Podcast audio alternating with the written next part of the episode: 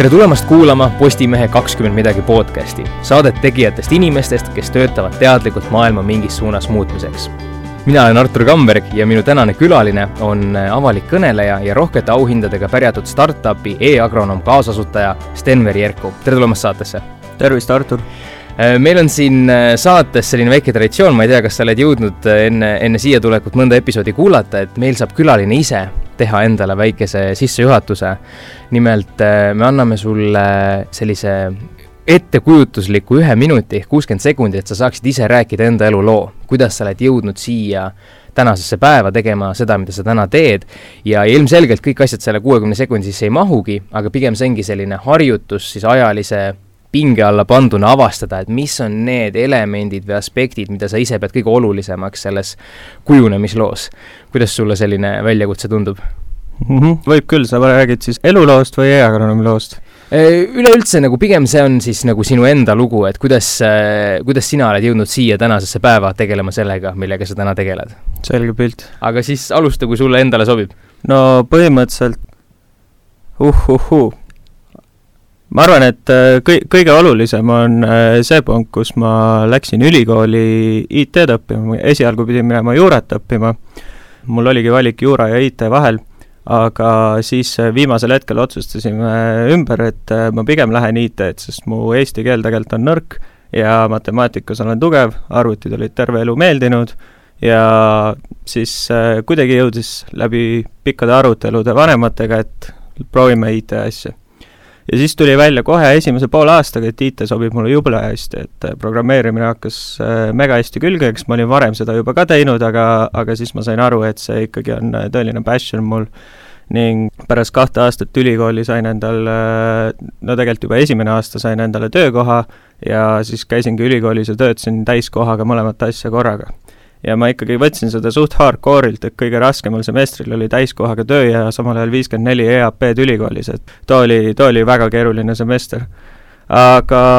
pärast viite aastat ülikoolis oli mul äh, majandus- ja IT äh, bakalaureusekraadid ja lisaks äh, tarkvarainsenerluse magistrikraadid ning olin töötanud juba kolmes IT-firmas, igas ühes olin väga edukalt hakkama saanud, olin meeskonnajuhiks kasvanud ja ja siis ma leidsin, et nüüd on õige aeg siis äh, teha oma ettevõte. ülikoolis oli ka väga häid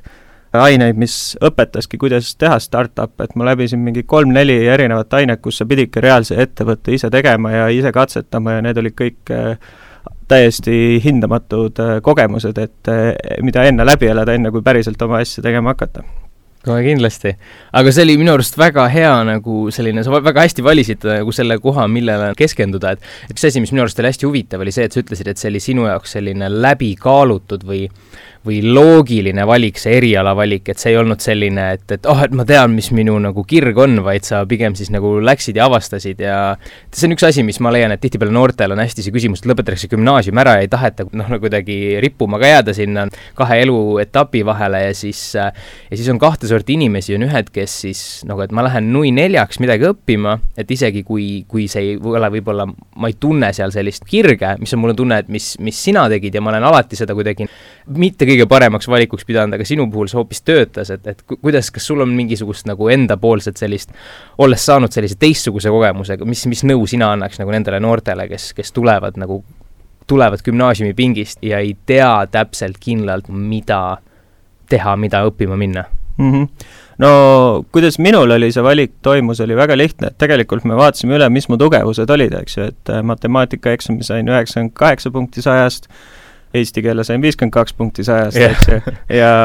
ma olen kindel, et sa saad juurat tegelikult teha hästi, ilma et sul oleks väga-väga äh, hea keeleoskus, aga selleks, et sinna jõuda, siis sa pead tegelikult läbima staadiumit, kus sul peab olema väga-väga hea keeleoskus, kui sa oled juba tipppartner, siis sa ei pea neid äh, kirju ja asju ise kirjutama, sa saad rohkem enda kõneoskusega kõik probleemid lahendada, aga sa ei alusta tipppartnerist, eks ju mm. -hmm. ja pannes kõik need valikud asja ette ja ema ütles ka, et kuule, Stenver, et sa sisuliselt pool enda elust veedad kogu aeg arvutist, et siin ei ole nagu küsimustki, eks ju, et äh, proovi seda IT-d ja vaata, kuidas sul on. ja siis äh, saingi sinna tasuta kohale ja niimoodi läks, aga mis mu soovitus kindlasti on, et nagu ma näen, kuidas paljud inimesed üritavad kuidagi lõpuni välja push ida, et kui ikkagi poole aasta pärast või veel rohkem aasta pärast sa ei tunne, et sul see klikk ära toimub, siis on aeg edasi liikuda, järgmist asja vaadata. poole aastaga oli mul selge, et IT pakub mulle väga huvi, mul hakkasid kõik need tuumikained, mis olid, mul lõid silma nii särama, ma veetsin nendega kodutöid vahel, lihtsalt istusin kaksteist tundi seal enda ühikas, kaksteist tundi vaatasin seda tärniülesandeid, mis õppejõud meile andsid ja keskendusin nende lõpuni tegemisele. et mitte nagu karta proovida ja, ja kohaneda? ja, jah, mõni teine vend lihtsalt äh, sa näed, kuidas tal üldse huvi ei ole, ta teeb kogu aeg teiste pealt maha või siis ta kuidagi grupitöös üritab teistel liugu lasta ja noh, seal ei ole, eks ju, reaalset äh, tulevikku tulemas. ja samamoodi oli minu laineid, ma võtsin seal kõrval enda laineid mingi psühholoogiast, igal pool mm -hmm. mujal ja väga kiirelt sain aru, et noh, need, need ei ole tegelikult asjad, mis mul silma särama panevad, et toredad story'd, aga ei, see on, see on väga hea vastus ja, ja tegelikult ma näen, siit on juba nii palju igasugu jutunööre või suundasid, mida ma tahaks harutama hakata, aga aga selleks, et sellega kuidagi orgaaniliselt edasi minna, siis me peaksime ikkagi alustama kõigepealt sinu ja Robin Saluoksa oma ettevõttest e, e-agronoomist räägi, mis see on, millega te tegelete ja, ja tegelete tegelikult lausa nii hästi, et sel sügisel valiti teid siis Euroopa noorte ettevõtlusauhinna võitjateks. No e-agronoomi lugu hakkab sellest, et äh, ta tahtis enda isale teha tarkvara. või noh, tegelikult aus vastus on see, et ta pandi enda isa ettevõtet juhtima, mis oli põllumajandusettevõte ja siis ta väga kiirelt avastas, et tal on miljon Excelite ees, mida on megatüütu hallata nende vahelt andmeid liigutada ja nii edasi ja Robin on niisugune, niisugune mees, kes noh, niisugune laisk mees, kes mõtleb, et kuidagi peab lihtsamini ka saama.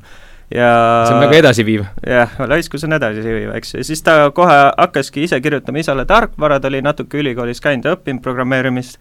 ja siis äh, tuli, suvel tuli põllumajanduse inspektorid, näitas seda neile, need olid, oh, kust selle said, see tundub jumala kasulik, et võiksite ju turule minna. siis kohtuski Robin minuga rääkis mulle kogu sellest tarkvarast, nädal aega töötasime intensiivselt koos, rääkisime e-agrammist, käisime koos pidudel, õppisime üksteist tundma ka ja pärast nädalat panime täpsed koostöötingimused kokku, lõime käed ja otsustasime, et nüüd alustame, eks ju, järgmine päev läksin tööle, andsin lahkumisavalduse. ja kuu aega hiljem oli meil tegelikult juba neli inimest, kes selle kallal täiskohaga töötasid ja mis on e-agronoom, oskad sa öelda, mida põllumees talvel teeb?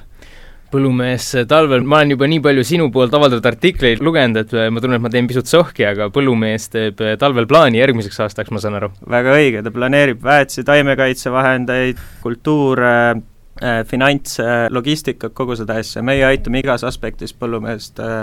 nendes asjades. ja siis ülejäänud hooaeg põllumees, eks ju, juhib töid ja teeb töid, me aitame tal vaadata Äh, kas tal on tööd tehtud, aitame tal meeles pidada laohaldust, meestehaldust ja kõiksugused riigiraportid, asjad, mis muidu võib suurematel ettevõtetel kuni kuu aega võtta, et ära teha, on kõigest ühe kliki kaugusel ning äh, lisaks sellele nad saavad analüüsida ka eelnevaid aastaid, vaadata, mis seal läks hästi või halvasti. ühesõnaga, et teie siis äh, loodud tarkvara võimaldab põllumeestel põllupidamisega tegeleda ja kõik see, mis jääb sinna juurde, see mingi paberi määrimine ja, ja Exceli täitmine, et see on see, mille te siis võtate nende õlult ära? Just, just, ja tegelikult meie visioon on see, et põllumehed annavad meile väga palju andmeid. Ja me oleme praegu juba seda visiooni käivitamas ka, et nende andmete põhjal me treenime välja ai-d. ja meil ongi üks niisugune projekt käimas nagu ai äh, agronoom, äh, kus me tegelikult hakkamegi põllumeestele andma ise soovitusi, kuidas teha põllumajandusotsuseid, äh, eks ju aitame neid finantsotsustes, neid äh, agronoomilistes otsustes, sest iga agronoomiline otsus on ka finantsotsus, a la millal külvata, milline võiks külvikord olla, kui palju väetisi panna, vaadata, et äh, külvikord ei rikuks seadusi ja nii edasi, nii edasi, nii edasi, et äh, väga palju erinevaid asju on, kus tegelikult masin saab aidata inimestel teha ära need äh, nii-öelda mikrootsused, et inimene saaks keskenduda olulistele ja suurtele küsimustele mm. -hmm. ja selle, see on nagu see pool, kuhu me liigume ja noh, teisest küljest me näeme juba praegu, kuidas äh, meie tarkvara kasutades ja nüüd, kui me võtame veel need ai tööriistad ka juurde, me tegelikult aitame põllumeestel olla ka keskkonnasõbralikumad. sest meie usume, et mida, mida efektiivsem põllumees sa oled, seda keskkonnasõbralikum sa oled saama ka. ma just tahtsingi tegelikult seda järgmiseks küsida, et alati, kui te räägite e-agronoomist, siis teie sellise, kuidas öelda, lifti pitch'i osa on ka see, et te mitte lihtsalt ei muuda seda põllupidamist efektiivsemaks, vaid, vaid sellel on ka lõpptulemusena positiivne keskkonna Äh, keskkonnale positiivne tagajärg, et räägi, kuidas te seda saavutate e-, e-agronoomiga mm? -hmm sisuliselt ongi see, et kui me räägime puhtalt sellest nii-öelda klassikalisest äh, tarkvara hal-, või nii-öelda ettevõtte haldusprogrammist, eks ju,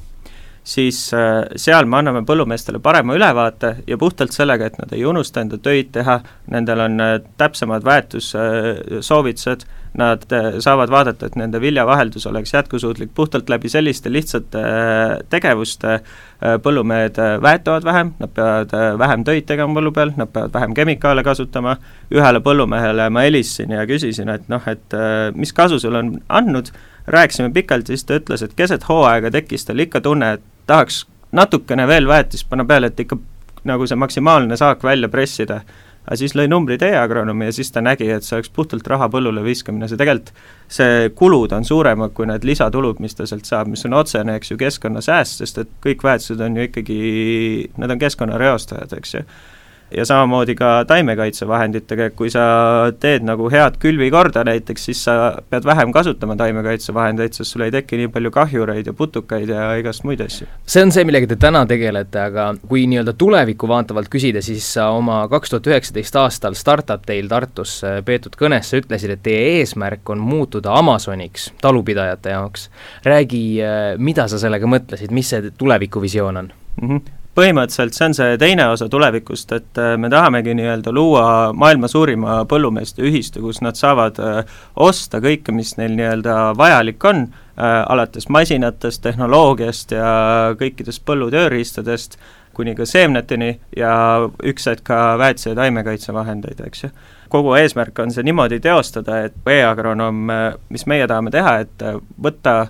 praegu üks hästi suur probleem, mis tööstuses on, on see, et põllumeeste peamine agronoomiline infoallikas on nende väetiste või taimekaitsevahendite müügimees. kui meie selle nii-öelda suure ühistu lööme, kus põllumehed saavad kõike osta, mis üle maailma tuleb põllumehed kokku, nad saavad paremaid hindasid, sest nende kätte tuleb tagasi see ostujõud,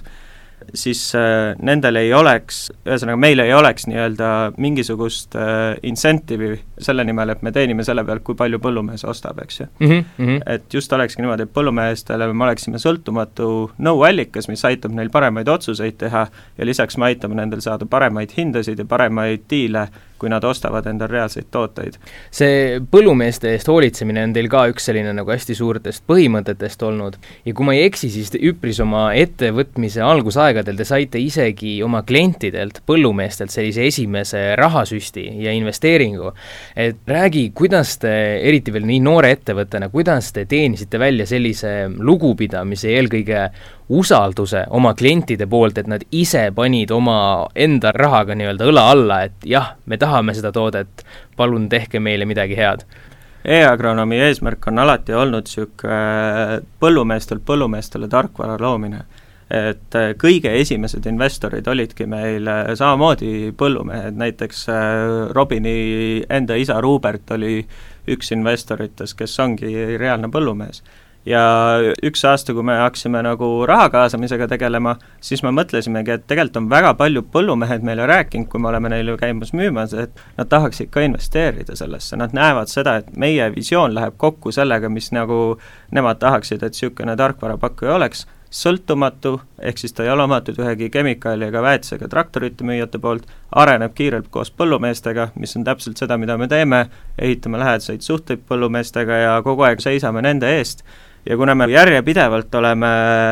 seda sama rida ajanud, siis põllumeestel on tekkinud usaldus meie vastu. Ja kui me tulimegi välja kampaaniaga, et nüüd me kaasame viissada tuhat, me oleksime saanud ka rohkem kaasata, aga me tol hetkel otsustasime, et viissada tuhat on see piir, siis järjest tulid kõik põllumehed ja kahe poole kuuga me olimegi viissada tuhat üle Eesti nii-öelda põllumeestelt kokku saanud ja noh, me reaalsuses nägime, et me oleksime ilmselt saanud äh, puhtalt ainult Eestis, kui me välismaa välja jätame, see oligi ainult Eesti keskne äh, too, tookord mm, -hmm. tõenäoliselt isegi miljon pool täis kaasatud. kas sa näed, et see, see nišš või sektor, kus te tegutsete, põllumajandus, see on selline asi, mida võib-olla keskmine eestlane ei seostaks kohe IT-ga, on ju, et noh, mis seal ikka, seal on nagu kott seemneid ja traktor ja kas see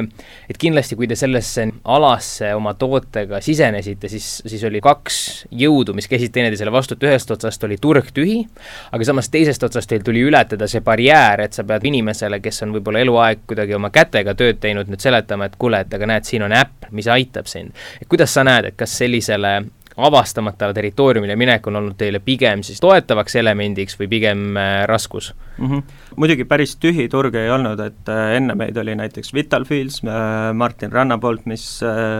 müüdi Monsantole maha, aga Martin Rand on nüüd väga hea sõber meil ja on meile väga palju nõu andnud pärast seda, kuidas kuidas edukalt toimetada aga mis nagu kindlasti on, on see, et meie suurim nii-öelda konkurent ongi paber ja pliiats või siis äh, Excel, et kui me oleme Poolas, tegime paar aastat tagasi uurimuse, siis äh, seitsekümmend prossa Poola põllumehi kasutas äh, paberit ja pliiatsit, kakskümmend viis prossa kasutas Excelit ja ainult viis prossa mingit reaalset tarkvara ja noh, neid konkurente on, aga need konkurendid ei ole suutnud läbi murda ja üks asi, mis meid paljudest konkurentidest kindlasti eristab, on see, et me oleme suutnud luua müügimudeli, mis on väga ennustatav ja väga täpselt teame, et kui me paneme ühe euro sisse, siis mitu hektarit meil seal välja tuleb. mis see strateegia on siis, kas see on seesama müügistrateegia, millest sa just rääkisid, või miks on teil õnnestunud siis konkurentidest erinevalt turule pääseda? meie müügistrateegia on põhimõtteliselt Te olete kursis Southwesterniga? jaa, see ja. on siis see, see nii-öelda programm, kus noored käivad Ameerikas, müüvad ukselt uksele ja. raamatuid. meil on väga palju tuttavaid Southwesternist ja sealsed inimesed ongi aidanud meil tegelikult selle müügistrateegia välja ehitada, kuna me nägime, et selles valdkonnas see töötab kõige paremini. et meil on hästi tugev kompetents maja sees, kuidas minna, sisuliselt me ei käi ukselt uksele põllumajanduses, me, see on nagu appointment based, et sa helistad ette ja paned aja ja siis, kuidas sa ehitad võrgustikku läbi nende inimeste edasi, ehk siis äh, küsid referral'e ja, ja saad edasi järjest liikuda põllumeeste läbi suuremaks, see on, see on meie põhiline strateegia. ma saangi aru, et teil on selline, kuidas öelda, majasisene pisut poliitika ka, et need inimesed, kes loovad seda toodet, programmeerijad, kes ei ole ise elu sees põllu peal tööd teinud, et teie selline, kuidas öelda, te loote aktiivselt siis võimalusi neil saada kokku põllumeeste endaga, et oleks isiklik kontakt kliendiga, kelle jaoks seda asja lood, ja kui ma ei eksi, siis te mingi hetk isegi lasite neil oma põllu lappi harida, kas oli nii? esiteks muidugi see ei ole poliitika, vaid see on kultuur. et poliitikat me maja sees hoiame nii väikse nagu üldse võimalik, et äh, praktiliselt ei ole aga põhimõtteliselt jaa, et meil oli Maaülikooliga, tegime viljelusvõistluse äh, Maaülikooli tudengitega, kahjuks või õnneks tuleb välja, et ülikool ikkagi aitab äh, põllumajandustudengitel edukamaid tulemusi saada kui itipoistel, kes seda esimest korda pea ees sisse hüppavad aga see-eest leib, mis sai pärast küpsetatud, oli väga hea sellest viljast. ma kujutan ette, et selline kogemus ka selles, selles mõttes, et see, mille jaoks sa seda koodi lood, on nendel koodikirjutajatel nüüd palju käegakatsutavam. absoluutselt, et meie tegelikult eesmärk ongi see, et iga programmeerija ja mitte ainult programmeerija, üldse insener või mõni muu töötaja vähemalt iga paari kuu tagant, kui mitte iga kuu, käiks kliendi juures ja ta näeks ära, kuidas seda featuuri, mida nad on arendanud, kasutatakse ja lisaks, et uurida eelarendust uue featuuri jaoks. et muidugi on meil tootejuhid ja ärianalüütikud ka, kes seda uurimist kõik teevad, aga me tahame, et ka arendaja käiks ja oma pilguga näeks, et mida tehakse, kuidas tehakse, et tal tekiks see klikk ära, et äh, mis see on, vaat et noh, mingid tooted on niisugused äh, consumer tooted on väga lihtne, et kui sa, ma ei tea, näiteks arendad äh, mingisugust Facebook äppi, sa iga päev räägid sõpradega ja sa tunned neid valusid ise, kui sa oled arendaja, eks ju. aga põllumajandust äh, väga raske on leida sellise IT-taustaga inimesi, kes on oleks ise põllu peal kasvanud, ise põllu peal kasvanud, eks ju et neile tuleb ka anda nagu arusaam, et miks nende töö üldse vajalik on, eks ju. kui rääkida veel teie ettevõtte sisekultuurist ja põhimõtetest, mida te järgite, siis äh, nagu sa ise mainisid oma ülikooli eriala valikul, siis see lähenemine, et ma proovin, testin ja kohanen vastavalt sellele, kas meeldib, tööta see, mis iganes. et siis ma saan aru, et teie ise olete ka sõnastanud endale kolm sellist sisekultuuri põhimõtet, kõigepealt oli see, millest me juba rääkisime, kliendikesksus, see põllumehe kesksus,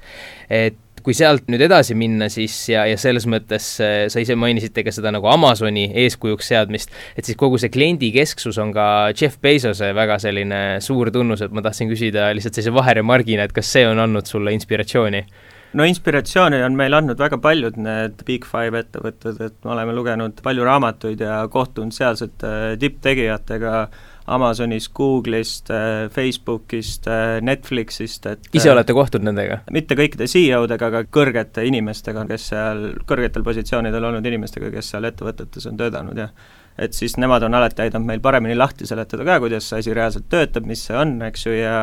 me oleme kindlasti tohutult inspiratsiooni saanud nendest asjadest, aga, aga lõpuks on ikkagi see, et istusime maha, et ega sa ei saa ühtegi ettevõtte kultuuri lihtsalt kopeerida, et sa saad nagu sealt inspiratsiooni võtta, a la TransferWise'il on ka väga ilusad äh, sloganid, eks ju, et ego tiim ja me, eks ju, vist mm, -hmm. või, või, mis nad täpselt olid, et sa saad nagu võtta inspiratsiooni ja vaadata, mis sulle meeldib, aga lõpuks sa pead istuma enda tiimiga maha, me tegime seda täiesti algusest peale ja paneme paika, et mis on nagu teie jaoks kõige-kõige olulisemad ja meil on ikkagi kultuur läbi aja palju muutunud, et kui sa oleksid minuga rääkinud näiteks kaks aastat tagasi, siis meil oli üheksa kultuuri aspekti aga mingi hetk me saime aru, et kui me kasvame ja niisugune rahvusvaheline oleme, siis seda üheksat nii-öelda aspekti globaalselt enforce ida on nagu üli-ülikeeruline ja tuleb lihtsustada, jah? tuleb lihtsustada, jah, ja siis me valisime sealt välja, et mis on meie jaoks kolm kõige-kõige olulisemat ja siis praeguseks ongi jäänud siis Farmer First, Focus and Iterate ja Be Frank, eks ju. ma saan aru, et see Focus and uh, Iterate oli see, mis sa mainisid, et see on siis seesama, mida ka sina rakendasid oma erialaotsingutel, et ei ürita siis luua esimese korraga ideaalset toodet, vaid ma saan aru, et see põhimõte on selles, et me paneme midagi välja, me anname selle reaalsesse situatsiooni, saame sealt selle tagasiside ja selle põhjal äh, kohaneme, et kust see põhimõte või kultuuri osa teieni jõudis ja kuidas see teid teeninud on mm? -hmm see on teeninud meid väga hästi ja see ei ole ainult tootega seotud, et niisugune iteratiivne lähenemine, äh, focus and iterate koosneb kahest osast, üks osa on focus, teine on iterate, eks ju. et ma keskendun siis sellele iterate'ile ja kõigepealt, et iterate on nagu see, et sa järk-järgult lased asju välja, sa kogud tagasisidet nii kiirelt kui võimalik, sa õpid sellest, sa redisainid enda kasutuse ja siis, siis nii-öelda lähed uue versiooniga välja. Ja tegelikult number üks valik sellel, kas sa peaks kiiremini välja asjaga minema või siis sa peaksid veel ootama ja rohkem infot koguma, on äh, see, et kui kiirelt sa saad nagu otsuse ringi keerata mm. -hmm. ehk siis näiteks toote uus, uued versioonid välja, me laseme mitu korda päevas uut versiooni välja, kogu aeg kogume tagasisidet, seal käib väga kiirelt asi. juriidilised lepingud, neid on pärast sõlmimist ülikeeruline muuta, seal sa pead ikka korraliku eeltöö tegema, eks ju. samamoodi, kui sa näiteks proovid mingit uut marketing strateegiat. Sa ei pea marketing strateegia tulema suure pauguga terve riigile, sa võid kõigepealt, ma ei tea, näiteks äh, Postimehe puhul, äh, kõigepealt katsetab marketingi ainult Võrus, vaatab, kuidas seal on, kogud tagasisidet, siis paned juba kahte maakonda, on väga hästi, siis lased nelja, eks ju. või siis iga kord võib-olla saad tagasisidet, natukene muditseda ja siis iga kord, kui sa suuremaks lähed, sul on perfektsem toode olemas, eks ju, ja see on selline startup kogukonnas, ma olen kuulnud väga palju sellest, et, äh, et tee vigu kiiresti ja õpi, et see on samasugune lähenemine, ma saan aru. absoluutselt, jah. Äh, kui rääkida sellest sisekultuurist edasi, siis üks asi, mis on äh, sellise ettevõtte juhtimise juures vältimatu, on, on meeskond ja inimeste juhtimine ja, ja te alustasite kaks tuhat kuusteist, nagu siis ütlesid, neljakesi või noh, alustasite üldse Robiniga kahekesi, et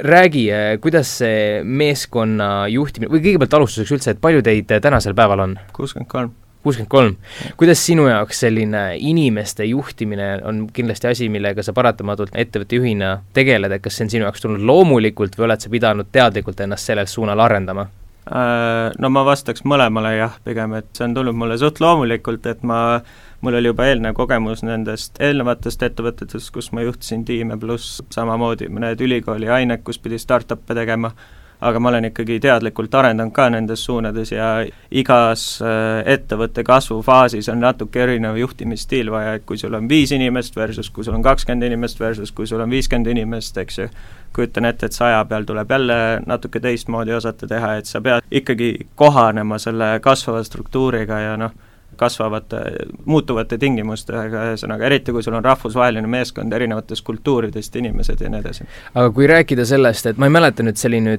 võib-olla see informatsioon on nagu aegunud, nagu siis ütlesid, teie need kultuuripõhimõtted, te ise inimeste ja ettevõttena hästi kiiresti muutute, et äh, mingi hetk te ütlesite, et te üritate juhtida oma ettevõtteid ja inimesi niimoodi, et te tahate, et kõik tunneksid, et nagu nad oleks omanikud et räägi, mida sa sellega mõtlesid ja, ja minu esimene enda mõte on see, et mida suuremaks läheb ettevõte, seda raskem on vahest sellist asja ja tunnet hoida mm. -hmm. absoluutselt on, et mis see nagu meie kontekstis enamasti on tähendanud, on see, et meil on üks kultuuri aspekt, see beef frank, mis on see, et me anname niisugust brutal honesty tagasisidet üksteisele, et a la kui kellelgi on mingine issue, siis see tuuakse pigem kohe välja, mitte ei venitata pool aastat ja ei ole niisugune management tasemel venitamist, eks ju, või ja teisest küljest samamoodi, et inimesed saavad kõike meilt küsida, et meil on iga reede company meeting, kus inimesed võivad ükskõik mis küsimusi meilt küsida, ja, ja üks-ühtedel saavad inimesed ükskõik mida küsida, et niisugune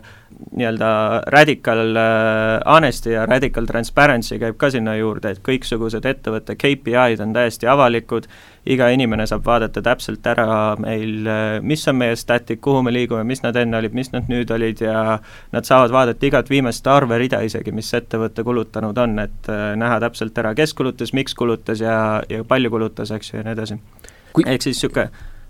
jah, jah, ole lahke. ehk siis hästi niisugune, hästi palju tulebki nagu sellist äh, puhtalt avatusega, sellega, et kõigil on ligipääs äh, kõigele infole, mis nagu omanikele ka on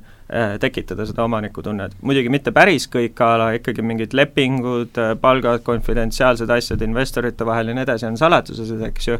aga niisugune ütleme, mis on nagu kindlasti radical transparency, on rollid, äh, eesmärgid äh,, meie tulemused, eks ju, peamised mõõdikud, strateegia, ärimudel, kõik niisugused asjad, mis on vaja, et inimene tunneb, et on osana sellest, et ta nagu viib seda jaa, et, et ma kujutan ette, et töötaja jaoks on ka suur vahe sellest, et kas ma lihtsalt teen sellepärast nii, et mul kästi nii teha, või sa tunned, et mind usaldatakse, mind kaasatakse, et see on väga hea nagu selline punkt või nõuanne. ma tegelikult tahtsingi järgmiseks küsida, et kui sinu juurde tuleks praegu selline noor ettevõtja, ta on elevil, et nii, me hakkame homme inimesi palkama, et see võiks olla üks nõuanne, et kas sul on veel mingisugust nõu, mida anda?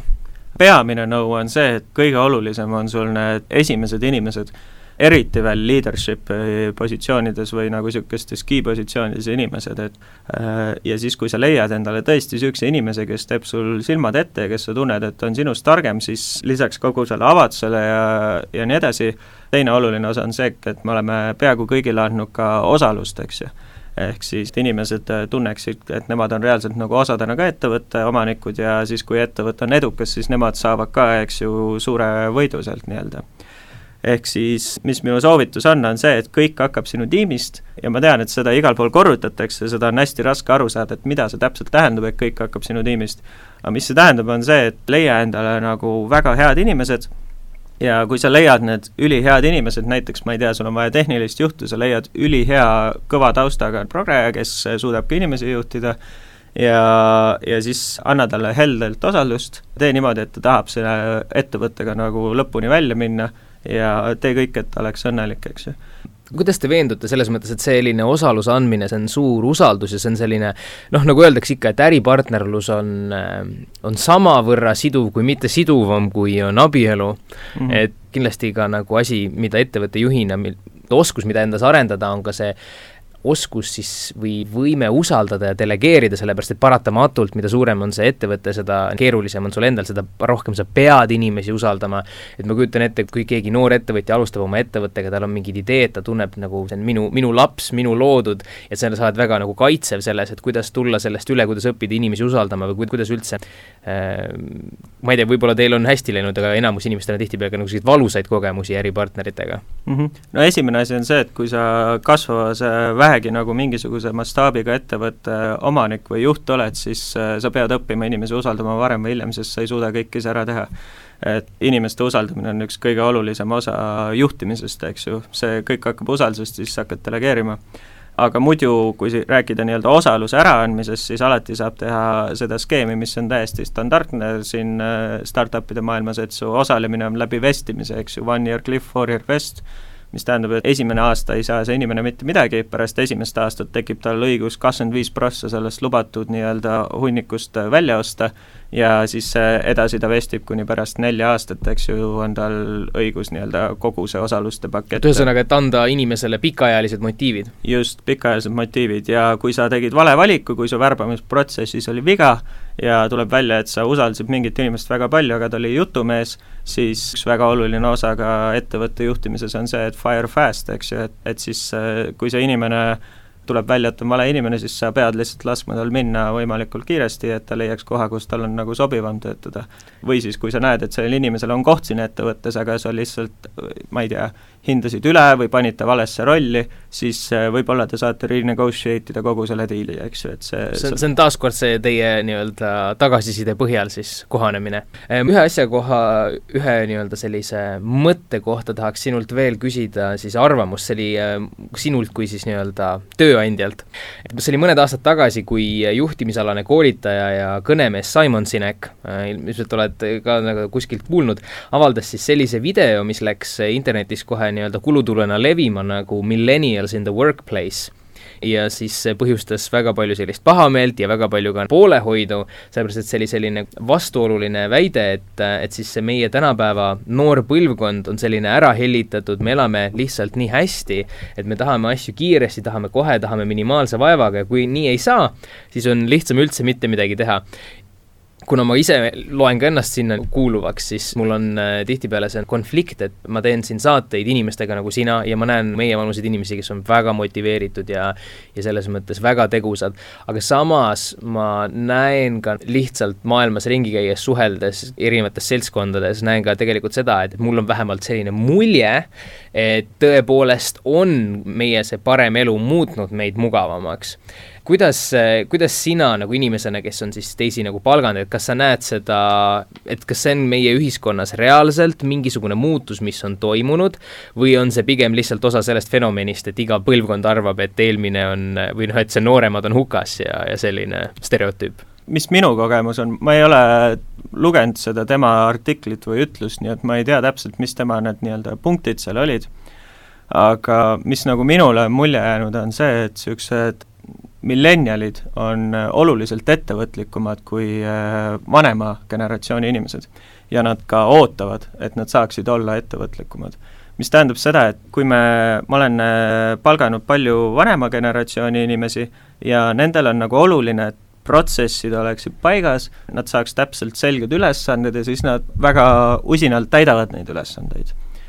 mis nagu noorematele on minu meelest olulisem, on see, et on rohkem niisugust, et kõik ei pea nii paigas olema ja nendel oleks selge eesmärk ja nad ise mõtlevad välja, kuidas sinna Nad tahavad võtta siis rohkem vastutust? Nad tahavad nagu... võtta rohkem vastutust, nad tahavad võtta rohkem initsiatiivi, nad tahavad olla nagu, nad tahavad own ida nii-öelda seda, mida nad teevad, nad, nad ei taha teha teiste asju, nad tahavad nagu ise saada inspireeriva eesmärgi ja siis selle nimel töötada. ühesõnaga, et pigem see konflikti koht tekib mit-, mitte sellest, et üks generatsioon on etem teisest või mitte, vaid pigem on see, et, et see on, see on selline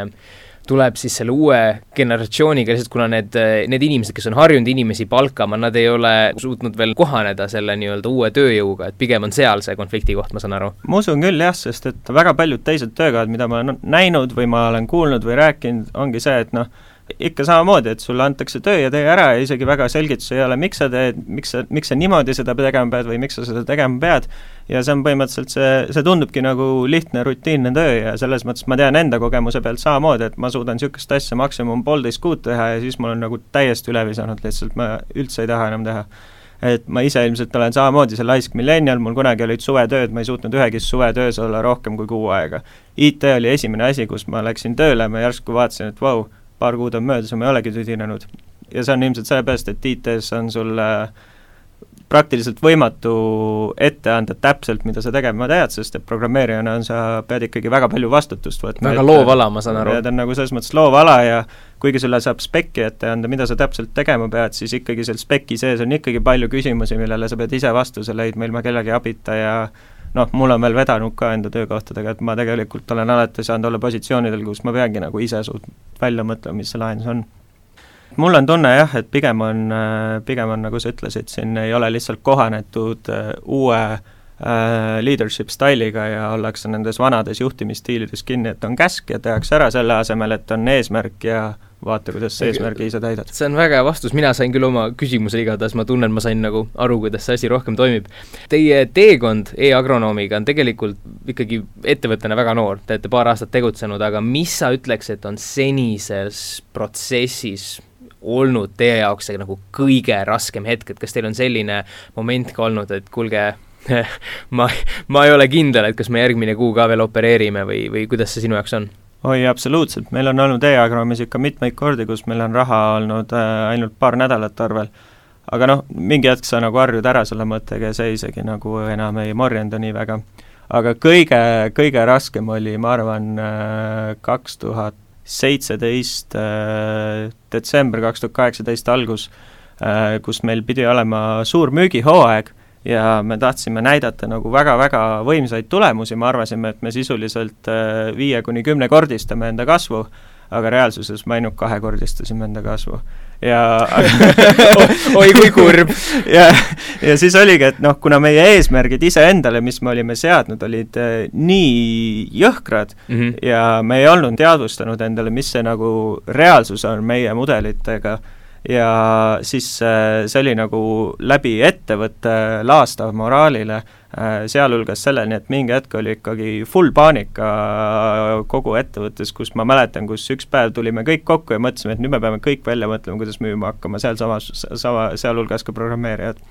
Ma arvan, et kõige kasulikum asi, mis sealt tuli, oli see, et ta õpetas väga hindama tegelikult stabiilsust ja realistlike eesmärkide seadmist. eesmärgid võivad olla natuke kõrgemad kui realistlikumad alati, aga mitte nagu kümme korda kõrgemad. ja, ja siis, ja siis lisaks sellele, kui, et su eesmärgid oleksid niisugused, et kui need tulevad natuke alla, ei ole hullu, kui need lähevad üle, on hästi, et nad oleksid motiveerivad ja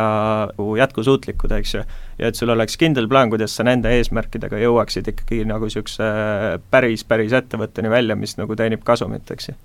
et, et see aitas meil nagu tegelikult tohutult läbi mõelda kogu meie ärimudelit, meie tulevikuplaane, panna kõik paika, ennustused, iga viimne kuidas me tahame, et meie hinnad kasvaksid, meie nii-öelda hektarid kasvaksid, meie kliendibaas, eks ju, ja mis meie tulevikumudelid on monetiseerimiseks, et Need kõige valusamad kogemused, ma saan aru, on alati need, mis kõige rohkem õpetavad, jah? absoluutselt, absoluutselt ja, ja üks asi on kindel, et kui, kui läheb nagu kehvasti, siis ei tasu paanikat teha, vaid vastupidi, astuda paar sammu tagasi, kas või võtta paar päeva puhkust, isegi kuigi et see tol hetkel võib tunduda väga raske, ja panna kõik nutiasjad kinno, minna metsa vihiku ja pliiatsiga ja siis natuke oma mõtteid koguda lihtsalt, eks ju, et see on kõige parem asi. Mul oli hoopis teine suund, kuhu ma soovisin vestlusega edasi minna, aga sa mainisid siin lõpus ja see on väga selline intrigeeriv ja see, just see paberi ja pliiatsiga metsa minek ja oma mõtete kaardistamine, et see on lihtsalt äh,, miks see mu tähelepanu köitis, on sellepärast, et olles seda siin aasta-poolteist teinud neid intervjuusid, siis see on teema, mis muudkui tuleb ja tuleb üles, et inimesed räägivad, nad tegelevad journalingiga, ehk siis nad panevad regulaarselt oma mõtteid kirja, nad üritavad sõnastada seda, mis nende peas seal kupli all toimub, et räägi, kas see on midagi, mida ka sina regulaarselt teed? absoluutselt, mina, mina teen seda üheksakümmend prossa enda telefonis, et kui niisugune nii-öelda täiesti metsa pliiatsiga ma teen äh, ainult vahel harva, kui ma lähengi kuskil tsivilisatsioonist välja, aga mis on väga vajalik, sest nagu nutist välja lülitamine minu meelest üks kõige olulisem asi, mida sa saad enda elus teha, see on täielik aja raiskamine. aga noh, mis mina teen, on see, et ma iga hetk käin, mul on kogu aeg telefon valmis võtma ja kohe, kui mul mingisugune uus mõte tuleb, ma võtan kohe telefoni välja, ma kirjutan selle kas enda to-do äppi või siis enda notes äppi kirja ja, ja siis äh, teinekord, kui ma istun arvuti taha maha, siis ma pärast kaardistan sealt olulised asjad ära, et muidu see mõte kaob lihtsalt ära. aga teine asi, mis ma soovitan kõigil teha, on, telefonis kõik notification'id pange kinni, mul pole mitte ühtegi, äh, see, see lihtsalt nagu distract ib sind ja ta ei lase sul keskenduda olulisele, ja jah, äh, ärge olge tehnoloogiaori, vaid hoidke tehnoloogia enda orjana. just nagu sa ise rääkisid, kui me noh, siin enne seda väikest kõrvalpõiget rääkisime sellest äh, teie nii-öelda enda rasketest momentidest ja sa oled ise ka välja toonud äh, mõnes artiklis sellise nii-öelda statistika et, et üheksakümmend protsenti lausa iduettevõtteid kukuvad läbi oma esimeste aastate jooksul.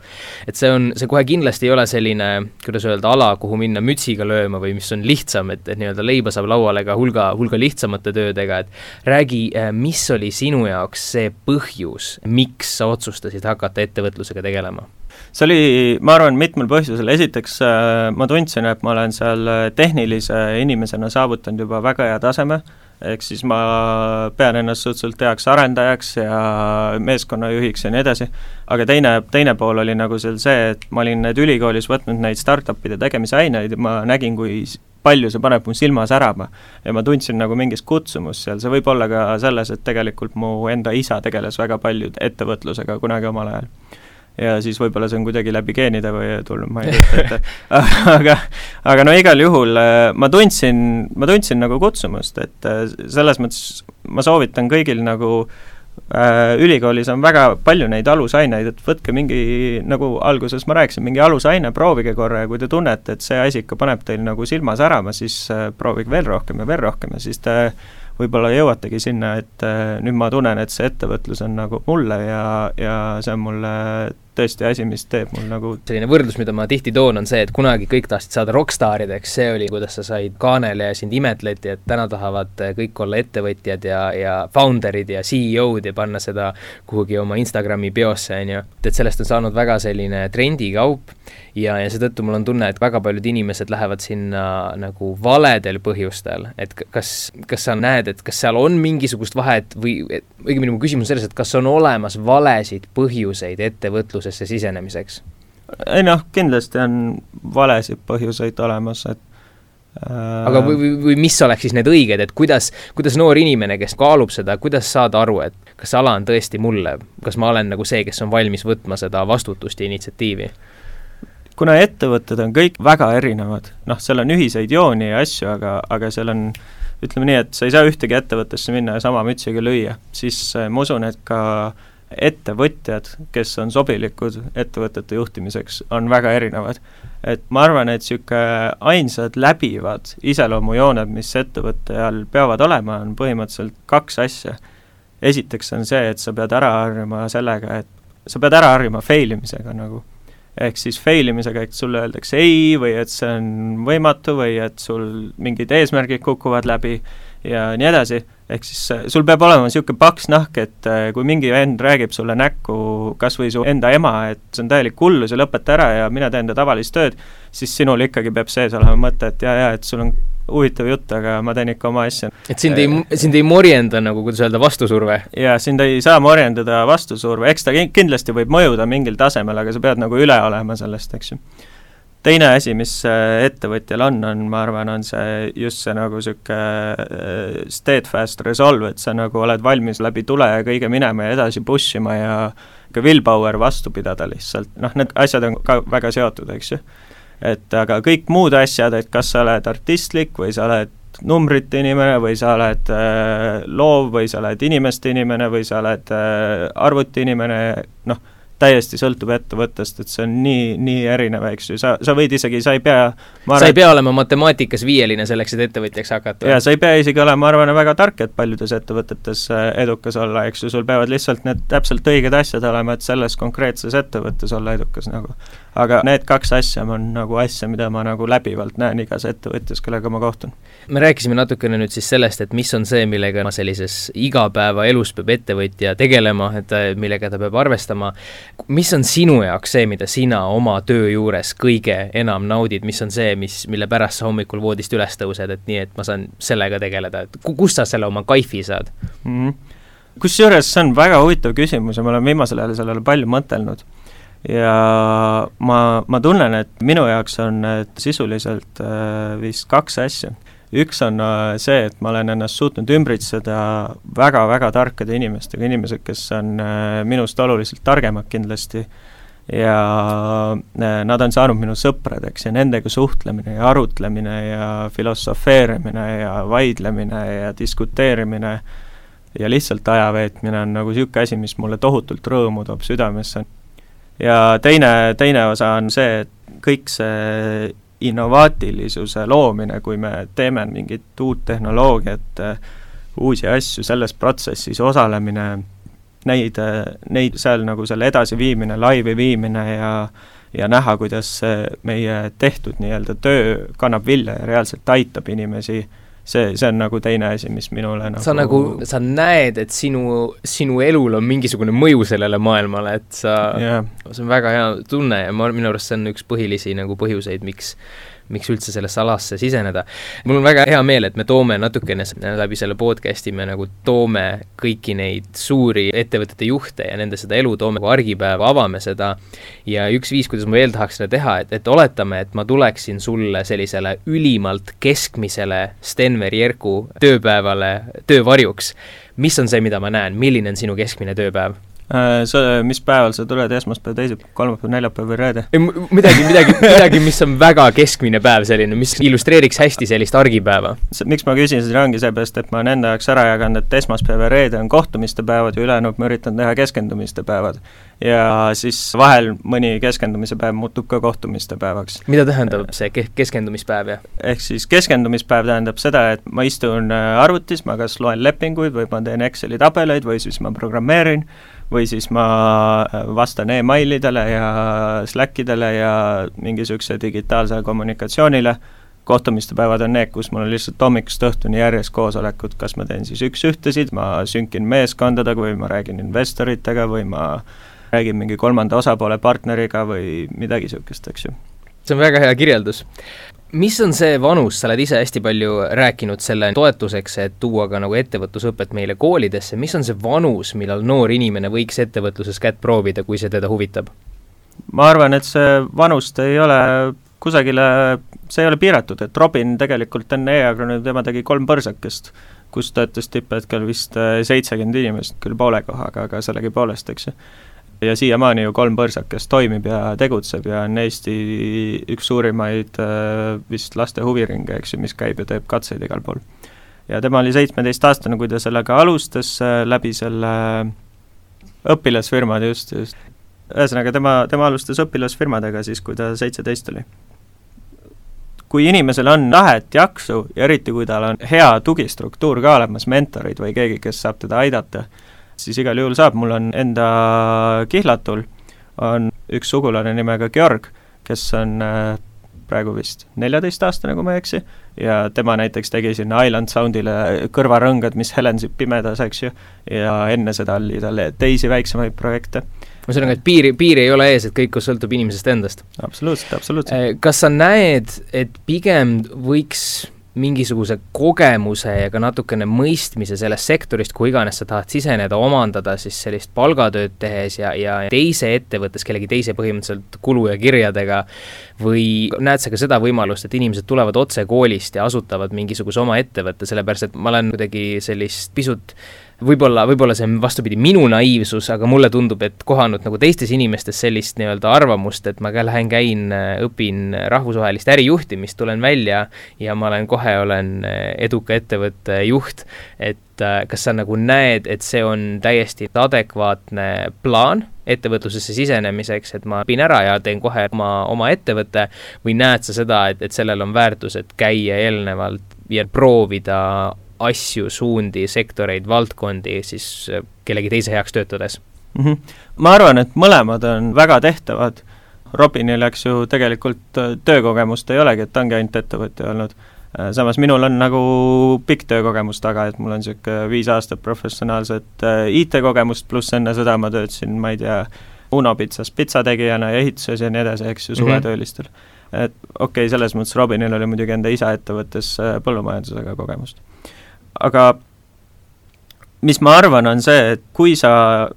kõige olulisem on see, et kas sa ise tunned, et sa oled nüüd valmis seda challenge'it tegema, et kas sa tahad nagu sinna hüpata ja hakata sellega tegutsema, et kui sul endal on see tunne olemas, siis sul rohkem ei ole vaja teistes töökohtades kogemust teha. et sa võid seda kogemust jääda nendes teistes töökohtades lõputult otsima, aga see hetk, kui sa ettevõtlusega hakkad tegema, siis sa hakkad järsku retsilt kogemust saama niikuinii. pigem teie selline üleüldine lähenemine, et hakkagi kohe pihta, hakka nagu proovima ja siis tagasiside põhjal kohane. jah, ja kui sa ei taha nagu otse pea ees äh, vette hüpata, siis sa võid alati ju itereerida, et kõigepealt proovid äh, põhitöö kõrvalt natukene, katsud vett ja siis, kui tunned ennast jälle kindlamana, siis hakkad aina rohkem ja rohkem sinna sisse minema. -hmm. et kindlasti tuleb väga kasuks igasugune töökogemus, et mina ütleks Nortalile ja Cliale siinkohal suur aitäh kõigest sellest kogemusest, mis nad mulle andsid, eks ju, et see Clias näiteks olin ma seitsmes töötaja, kui ma sinna läksin ja nad on niisugune rahvusvaheline startup, kus äri on USA-s ja arendus on Eestis ja siis, kui ma seal lahkusin, oli seal viiskümmend inimest, eks ju, et ma nägin kogu selle startup'i kasvamise protsessi läbi, ma nägin ära, mida tegid juhid hästi, mida tegid nad halvasti, ma õppisin nendelt ja ma ei arenenud ainult nagu arenduses, vaid ka professionaalselt ja isiklikult väga palju edasi. see on, see on väga oluline asi, mis sa praegu ütlesid, just see isiklik ja professionaalne areng, et äh, ma tahtsingi just küsida, et üks asi, mis on kogu sellest vestlusest nagu läbi kõlanud, on see, et sa ei istu ja ei oota, et asjad tuleks sinuni, vaid sa aktiivselt tegeled iseenda arendamisega. et sa oled rääkinud siin raamatutest, mida sa oled lugenud, te olete rääkinud sellest, et kuidas te ise siis eh, loote neid kontakte, ongi kas siis Amazoni või, või Netflixi inimestega, et küsida neilt, et meil on sellised küsimused, sellised teemad, kas te saaks meile nõu anda. Et räägi, milliseid viise nagu näiteks sina, ma kujutan ette, tegeled enesearenguga väga teadlikult, et kas sul on anda mingisuguseid soovitusi, mida inimene, keda näiteks huvitab ettevõtlus, mingisugune, millega ta võiks tegeleda, millistel uudistel silma peal hoida, milliseid raamatuid lugeda, on sul mingeid selliseid nõuandeid? jaa, kindlasti selles suhtes, et see ma ise loen äh, keskmiselt äh, kaks-kolm raamatut kuus, nii et äh, neid raamatuid on väga palju, mida ma võiks soovitada ja sõltub valdkonnast, eks ju. et kui mõelda niisugune väga üldiselt lihtsalt, et mis on tehnoloogia startup otseses mõttes, siis noh, seal on need klassikalised Lean Startup Eriki poolt ja siis From Zero to One, eks ju, vist oli üks väga klassikaline raamat kui juba reaalselt tegutseda mingi ettevõttega ja kui sa juba midagi juhid, siis on väga hea raamat, mis oli väga silmi avav, Hard thing about hard things, aga teine oluline asi, mis ma arvan, olulisem sellest, et ma siin nimetan hunnik raamatuid, on tegelikult reach out ida ja otsida nagu teisi ettevõtteid, kellega rääkida. näiteks ma ise kuulun sellisesse klubisse, ma olen selle asepresident nagu Startup Leaders Club, mis vist on meedias ka paar korda läbi käinud, ja seal on kõik need Eesti top ettevõtjad koos, top äh, startup maastikul tegutsejad koos ning äh, noh, see on tohutult kasulik infovahetus, et kui noh, sa mainisid siin Netflixi, Amazoni ja nii edasi, tegelikult Eestis on juba ka väga-väga häid ettevõtteid, et noh, minul oli vaja e-agronoomiga seoses raha kaasata, ma kirjutasin seal äh, umbes viieteistkümnele ettevõtjale, et saame kokku, teeme lõuna, ma teen sulle lõuna välja, räägime juttu. Ja küsisid nõu, kuidas seda tehakse siis? küsisin nõu, kuidas tehakse, eks ju, üks inimene, kellega ma kokku sain, oli Martin Pilling, ta andis mulle väga palju häid nõu, ta tegi mulle mitu introt ja ja see lõppkokkuvõttes viiski tegelikult meie esimese miljoni raha kaasamiseni ka, eks ju. Ma olen, ma olen ka kuulnud seda, et inimesed äh, tihtipeale, meil on väga kuidagi häbi pöörduda nende inimeste poole, et noh, nad on kindlasti väga hõivatud, ma raiskan nende aega, aga tegelikult kui sa inimeselt siiralt küsid abi, siis inimesed, inimesed aitavad. nii et see on minu arust väga-väga hea, väga hea soovitus. absoluutselt, üks asi, mis ma olen märganud, on see, et Eesti idufirmade startup juhid on väga patriootlikud ja väga abi, abivalmis. et meil on Eestis vedanud, et meil ei ole niisugune nii-öelda nõuka stiilis ärimeeste kamp, kes hoiab ainult küüned endale, vaid vastupidi, me kogu aeg aitame üksteist. kui keegi kirjutab mulle, siis ma tavaliselt ikka leian pool tunnikest või tunniket saada kokku ja jagada enda kogemust ja samamoodi on ka teised Eestis, et Eestis on väga hea õhkkond, meil on edukad ettevõtjad, meil on edukad startup'id siin ja kõige parem asi, mis sa saad teha, on see, et sa reach out'id ja proovid kontakti saada nendega. See aitab sul väga palju edasi liikuda ja palju sildu ehitada nii-öelda. Suurepärane, mul on nii hea meel, et sina leidsid täna aega, et tulla ja jagada seda. Ja mul on, ma kindlasti loodan, et ka nagu inimesed, kes seda kuulavad, leiavad siit meie vestlusest mingisuguseid mõtteid, mida kaasa võtta ja mingisugust sellist eeskuju, et suur-suur aitäh sulle, et sa leidsid aega ja tulid ja rääkisid meiega ausalt ja avatult. no aitäh sulle, et sa kutsusid ja ma loodan, et oli kasu kellelegi. kohe kindlasti, mulle oli juba kasu, nii et, et aitäh ja, ja aitäh teile, kallid kuulajad, kuulamast Postimehe kakskümmend midagi podcasti episoodi koos Stenveri Jerkuga. kui leidsite tänasest episoodist midagi, mis teile meeldis, siis kindlasti julgustan podcastiga jagama, et head mõtted kaugemale jõuaks. mina olen saatejuht Artur Kamberg ja teiega, head kuulajad, kohtume juba järgmises saates. seniks kõike head